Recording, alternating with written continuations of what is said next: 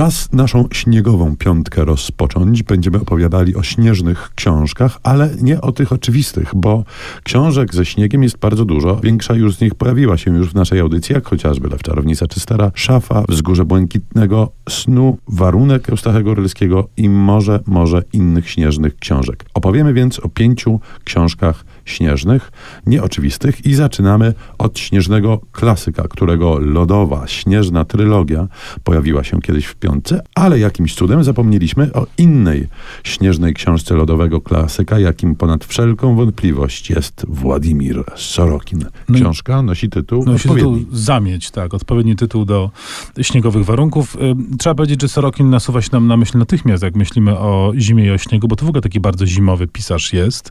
Właściwie wszędzie tego śniegu jest u niego sporo, a w Zamieci po prostu jest absolutnie wszechobecny. To jest taka krótka powieść, która wyszła parę lat temu. Nieduża. Historia, którą właśnie bardzo łatwo streścić, bo to jest opowieść o podróży pewnego lekarza przez, no właśnie, przez Zamieć.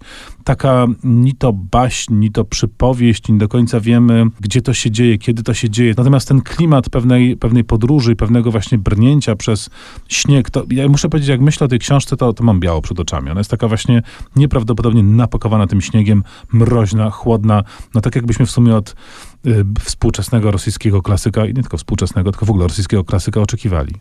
No właśnie, bo jak myślimy śnieg, to myślimy Rosja, myślimy Sorokin, myślimy Anna Karenina, myślimy doktor Żwago i cała masa innych śnieżnych rosyjskich książek, ale drugim krajem, który ponad wszelką wątpliwość kojarzy się z śniegiem i długaśną zimą, jest Finlandia. W ogóle cała Skandynawia, powiedzmy sobie śnieżnie, szczerze chciałem powiedzieć, jest bardzo, bardzo biała.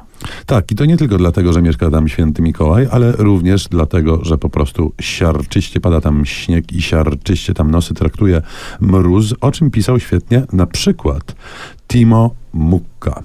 Timo Mukka, mam wrażenie, wydaje mi się, że słuszne, jest troszeczkę zapomnianym Chyba autorem. nawet bardzo zapomniany autorem. Tak, natomiast to ciekawa postać.